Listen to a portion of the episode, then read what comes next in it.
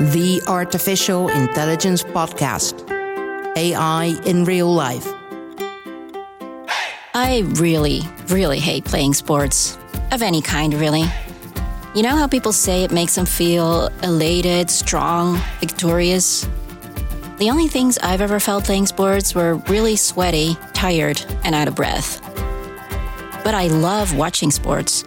There's something intensely human about the perseverance, creativity, and emotion displayed by athletes. And I guess they tend to be easy on the eyes too, but hey, let's not digress. Remember Moneyball? Brad Pitt achieving a record breaking winning streak with a team of misfits supported only by his great haircut and a Jonah Hill with crazy math skills? We have our own Brad Pitt right here with us today, a testament to how AI is indeed everywhere. Microsoft introduced me to someone really special using their machine learning studio, a visual drag and drop environment to build machine learning without the need for coding.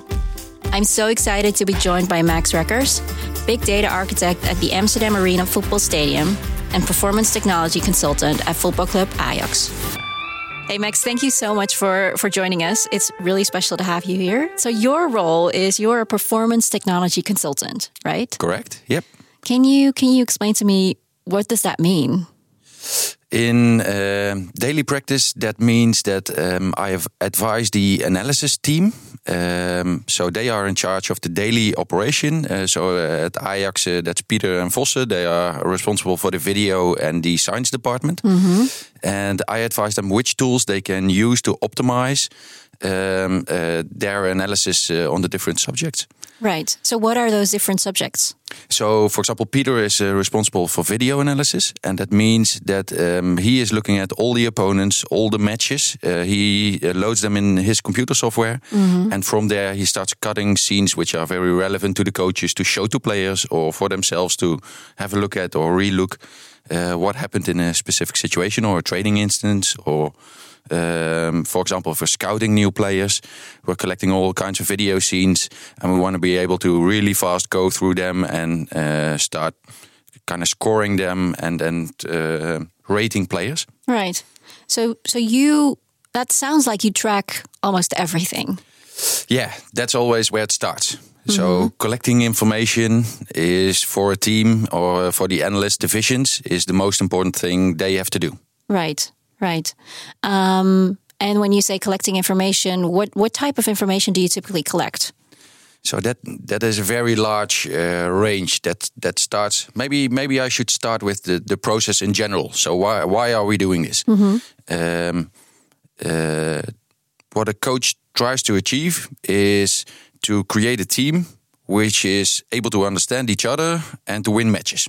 Right. In the end, very simple. That's the goal. Right. So how does he try to achieve that? By training, by um, creating scenes which where players understand each other, and from there can create a advantageous uh, situation. So if he wants to do that, what is the quickest way to learn a player how to understand another player or how to recognize a situation? So there is where the technology comes in.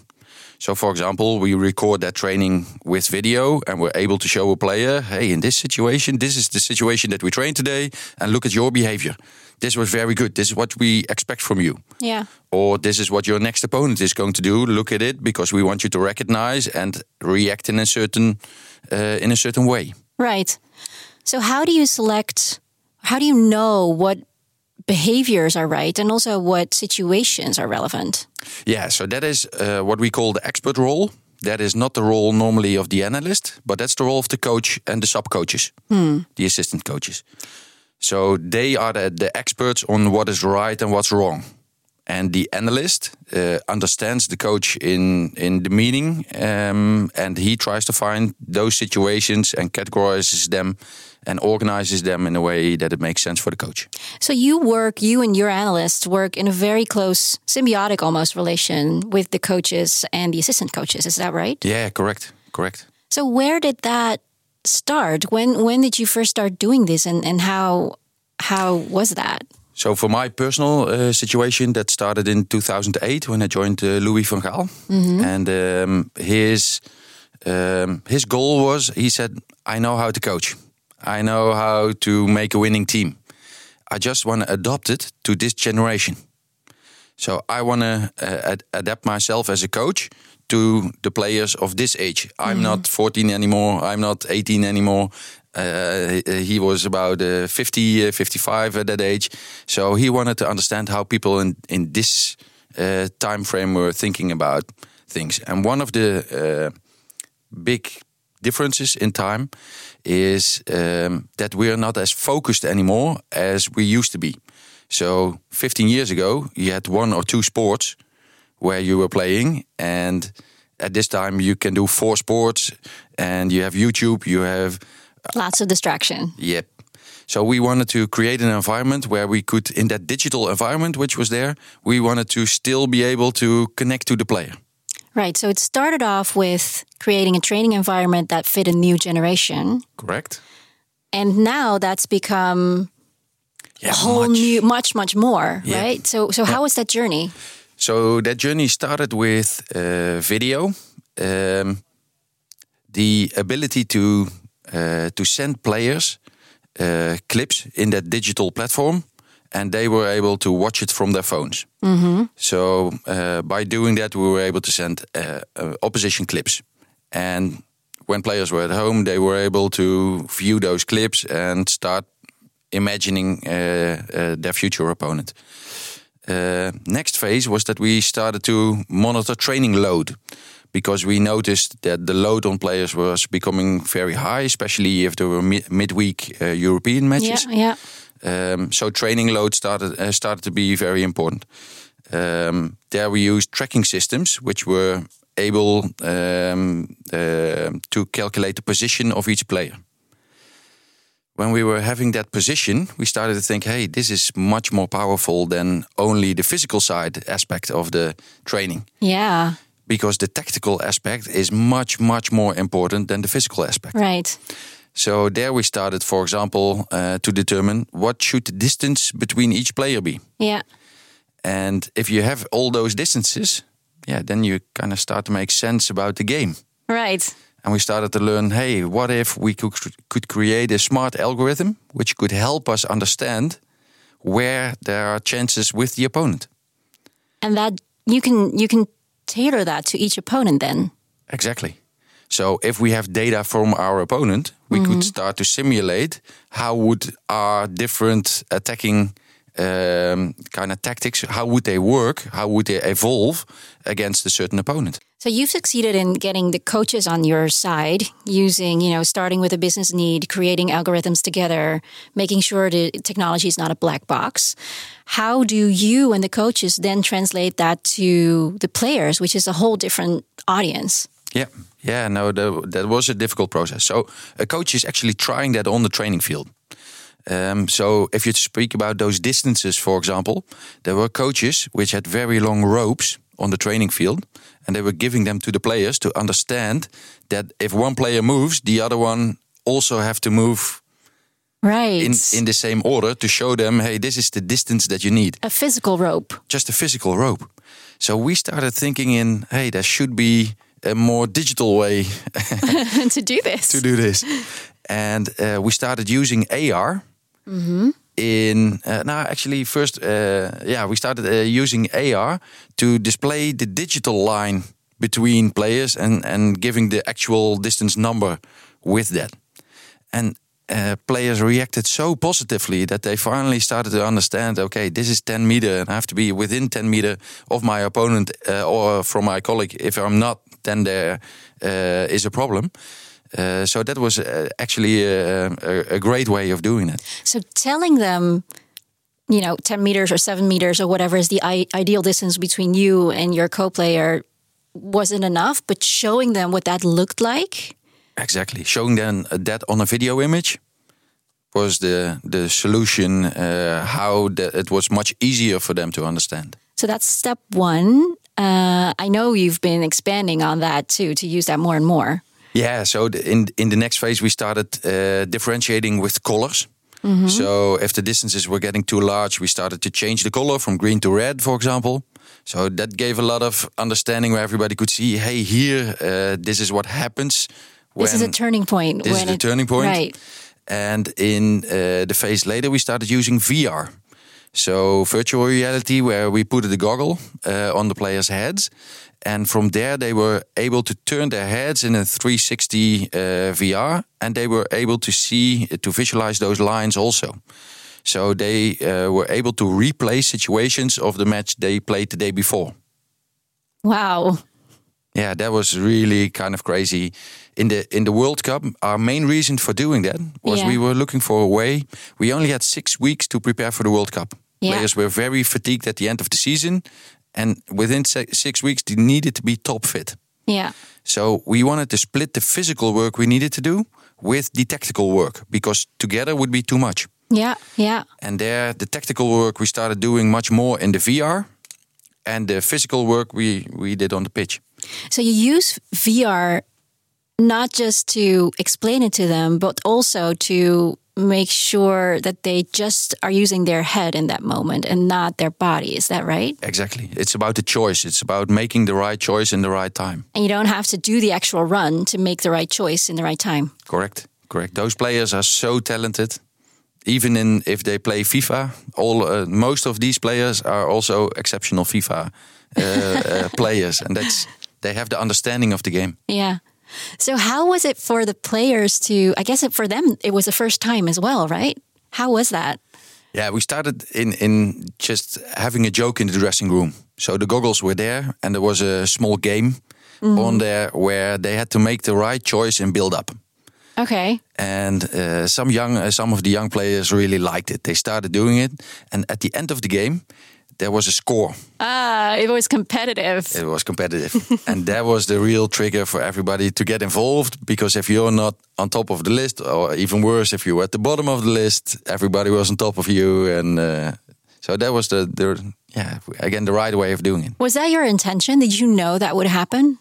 No, it, it kind of um, evolved in the, in that way. Um, but yeah, in the gaming world, this is what gaming is about, Yeah. and uh, so it, it made a lot of sense. Right. So suddenly you're in this situation where you have an algorithm that gives you tactical advice, a coach with tens of years of experience, and players with, you know, a, a born into them intuition. How do you bring that all together and make sure it, it, it becomes better together instead of, you know? Yeah, I think it, the the structure in there is is the most important thing.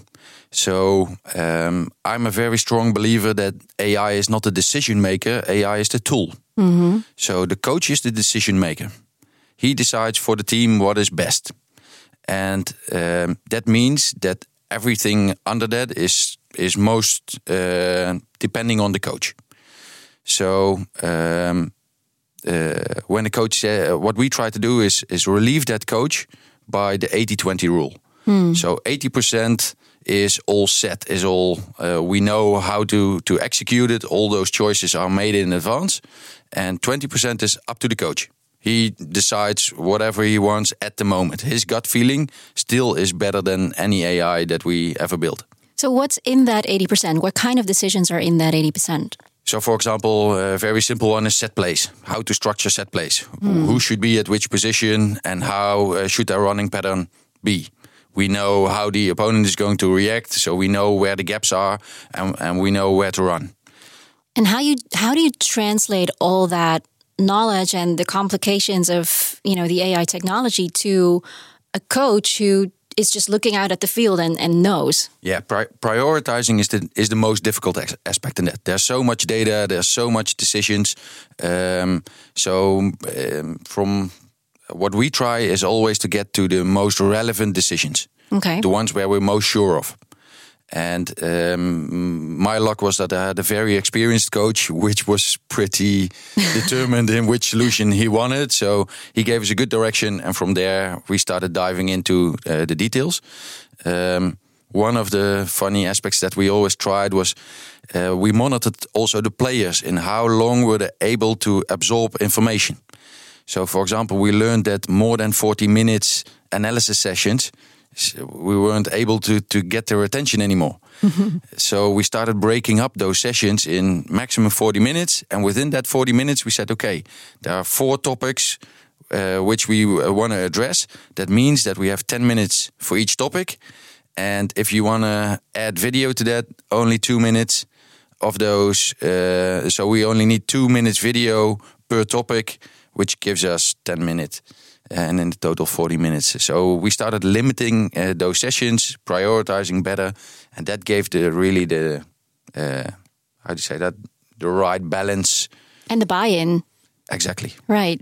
So so what's really amazing to me is that you use data analysis and ai to improve the game improve the players but you also use it to improve the process. You also use it to you know you've learned that only uh, 10 minutes of focus on one subject is optimal and you learned that using data analysis and ai as well right yeah so uh, still there. I think that the process is much more important than the AI. Right, right. The, the AI is the, the top of the cream, is this the sauce uh, on the cake.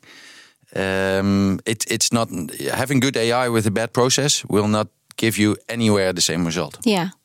And, and you've succeeded in creating this process and getting the buy-in of probably one of the hardest groups in the world, you know, professional athletes and coaches. But that's the coach. Right. The, the coach has to believe in it. And uh, yeah, we have to convince him. So what we produce has to be right and has to be correct. And if he uses it and he apply or he applies it and he sees this is giving me the result I, I was expecting or hoping, yeah, then there's a lot of confidence build up. Uh, yeah, and then the process is evolving further and further.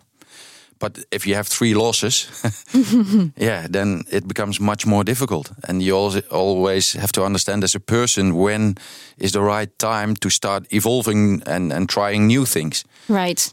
Because the algorithm might be wrong once in a while, but it also might be just not good enough of an algorithm. Yeah, or timing is just wrong sometimes confidence of players is is just degrading because of the team losses, and it's harder to adapt to new situations. And then sometimes you don't uh, have to push on to learn them new things.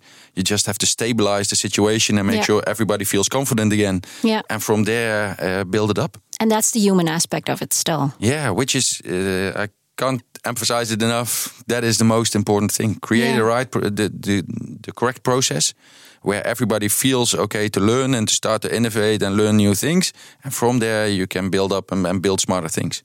So you've been doing this for years in sports. We know that in businesses, you know, that's exactly the same struggle. How do we create that symbiosis that's positive between man and machine? What would your advice be? What What are your key insights on on how to make that successful? I'm actually trying to learn that myself now. So at Ajax and the Johan Cruyff Arena, I'm starting to get more involved with the businesses, and and there, I start noticing the same pattern. In uh, we created a brilliant algorithm, but if the operational departments don't have the knowledge net, if they don't understand which problem that you solved, then you're way ahead of them. You're in space, and they they can't connect to what you're doing. So I think that the most important thing is start listening to the departments what their problems are first. Yeah. Help them build a solution which fits for them. Yeah. Most of the time is a very simple solution. It's something uh, for uh, definitely for the AI type of uh, people who like those hard technologies. Um, uh, start easy. Start with with um, models that everybody understands. So, what's for instance the simple model you started with? uh, there was a very funny one. We actually built a complex model in predicting how many visitors would show up at the stadium. Uh-huh. And we went to the operational department and we gave them the number of the, the number of visitors that actually would show up, and they just wouldn't believe it. So they said, "No, we can't work with this because we don't know where it's coming from." Huh. And then they said, "We just want you to create a very simple model. Just yeah. take the time and the day uh, and the opponent." Yeah and those three are the parameters that we want an average on of the matches in the past. Right, right. So we first went back to that number, show them, hey, but alcohol usage, uh, the involvement of the team, can they still become champion or not? And we started to build with them together. We started to build many parameters, which were also uh, very meaningful to uh, the number of people showing up. And and by kind of involving them in how to build that algorithm, that built a lot of understanding from both sides, and that was the right way to uh, create the model. And I can imagine it makes the algorithm better because who who knows better? You know, who has a better intuition for what parameters matter? Exactly, exactly, and that is the the hardest thing. You you have to split the knowledge of the topic with the understanding of building algorithms. Yeah. Yeah, so it's not just data scientists in a room solving a problem anymore. No, definitely not. Yeah. So what I'm I'm hearing you saying a lot that um, you're doing things now that you you couldn't have foreseen before that the data showed you new insights you did something um, i don't know maybe by accident and, and it turned out to be a success or not and you learned from that. Yeah. How do you look towards the future? Um, yeah so the, the, the process itself uh, gives you confidence and gives you the ability to to start trying things. Mm -hmm. and and i think uh, uh, by not having the attitude that you know because we don't know. We're trying something new, and yeah, together with the group, we're finding out if it works or not. Right. So that experimental mindset. That's yeah. super important, I guess, not just for you, but also for the coaches and the players. Yeah. How do you cultivate that? Um, so, the, uh, for me, the most important thing is when to do it and when not to do it. So, uh, it shouldn't be one experimental uh, corner. It's it's a business. Football is a business. We have to train. Win. We have to win. There, to, there, has to be a very set structure. But within that structure, there's a lot of room for improvement and innovation and and trying new things. And that's the same for a player. If we set up a match, we have a lot of kind of set um, uh, goals and and set things that they have to do. They're obligated to do, but within their game, there's a lot of space to have their creativity uh, and their decisions at the right moment, and that goes for players, but also for coaches and also for the analysts. So you're leveraging the creativity that everyone has inside them but at the right moment. Correct, correct. Right, right. And and that same thing we learned with video. The uh, the way that players will remember me is not because of the AR model, uh, but is by the funny movies that we make after the matches. so we get their buy-in also by creating a blooper video after every match where we show the most, the best things, of course, with some nice music under it, and then some bloopers mixed with some brilliant moments, with some uh, other funny things that happened in the world. And and uh, that scene together is how we close up a game.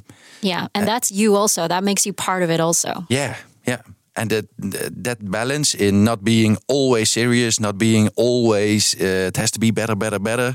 Um, that that is the hardest part. To what extent do you see what you're doing influence the rest of the sport or sports in general? Um, what I try to be an example in is to open up. Um, in I'm a very strong believer that we only can improve if we all collaborate.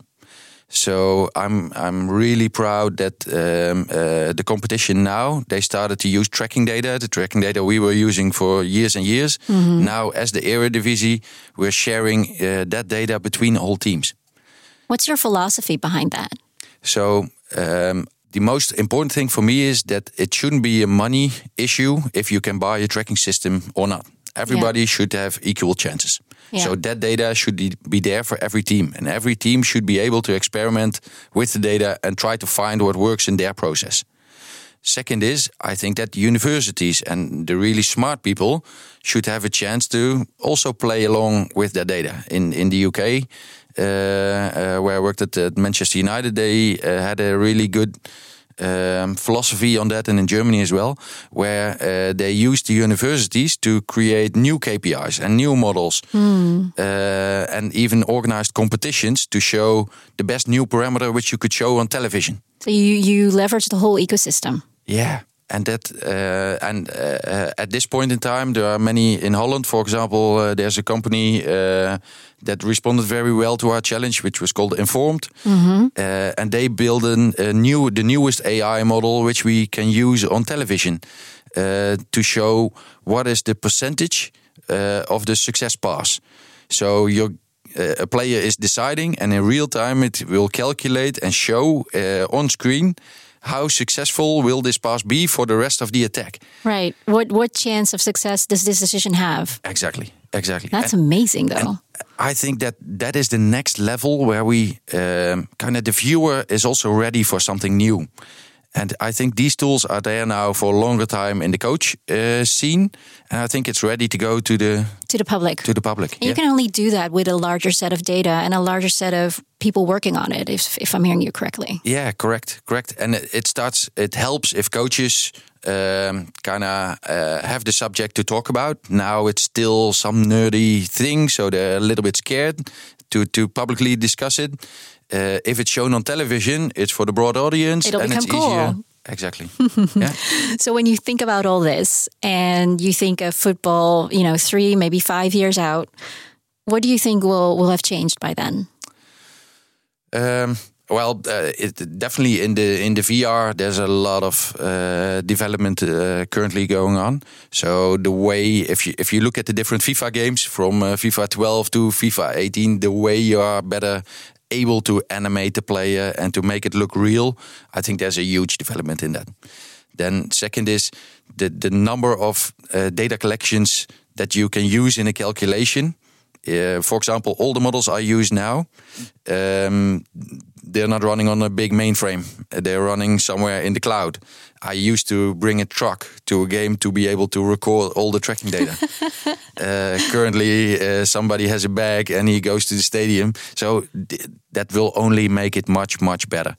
Um, quality of the data is still the, the most important thing. So all our data um, is currently sent to India, for example, Mm-hmm. and there is the post process happening. All the data is being cleaned and, and being made optimized um, uh, to work. That should all be uh, more real time uh, done. AI can do that eventually too. Exactly. Yeah. Exactly. So say all those things happen, all those things succeed. What's the game going to look like? I, I don't think that the game is necessarily uh, gonna change. Uh, I think the worst thing can happen to the game that uh, if we continue like this, I think in the end it, we will not be able to score anymore. That's the worst thing that can happen to soccer. So how? Uh, Because if everybody, it's easier to defend than to attack. yeah. So by defending better, you can uh, stop uh, the opponent from scoring. It's more efficient, I guess, than from the data. What you're saying is it's more efficient to defend than to attack. Yep. Okay. And I think in the way uh, the, the the football uh, minds are going now, it's better to defend than to attack. So if you look at the weaker country, uh, countries, Yeah. they start to defend, which makes football less attractive. Yeah. You even see it with the stronger countries. Yeah, also, yeah, Yeah. they they adapt too, and um, I think if we can create the right minds and and right technology and have the right freedom for players in situations, that football will open up more, and it is, and we're able to play more attacking football. So technology might even help drive that switch, is what you're saying. Yeah, yeah. Max, thank you so much for joining us today and sharing this unique story on artificial intelligence in a truly unexpected place. Max Reckers, performance technology consultant at Football Club Ajax. The OG AI. Why run, hit the ball, and fight yourself when you can let someone or something else play for you? Sentient robots have been used in many movies as companions, but also as the star players in baseball, fighting, or some kind of version of soccer. This is what we see in the Netflix movie Next Gen, where our main girl Mai is playing soccer by herself on a sloped soccer field. But not until we get to see the stadium, we realize that the game is also played by special Q-bots, companions at home and frontrunners on the field. It's a special combination of human skill and robot tactics on a special field, which creates a whole new ballgame. I still don't like playing sports, but I know I'll be watching the game differently from now on. Want to join me on my journey through the fascinating applications of AI in real life? Find me on bnr.nl slash AI podcast or on your favorite podcast app.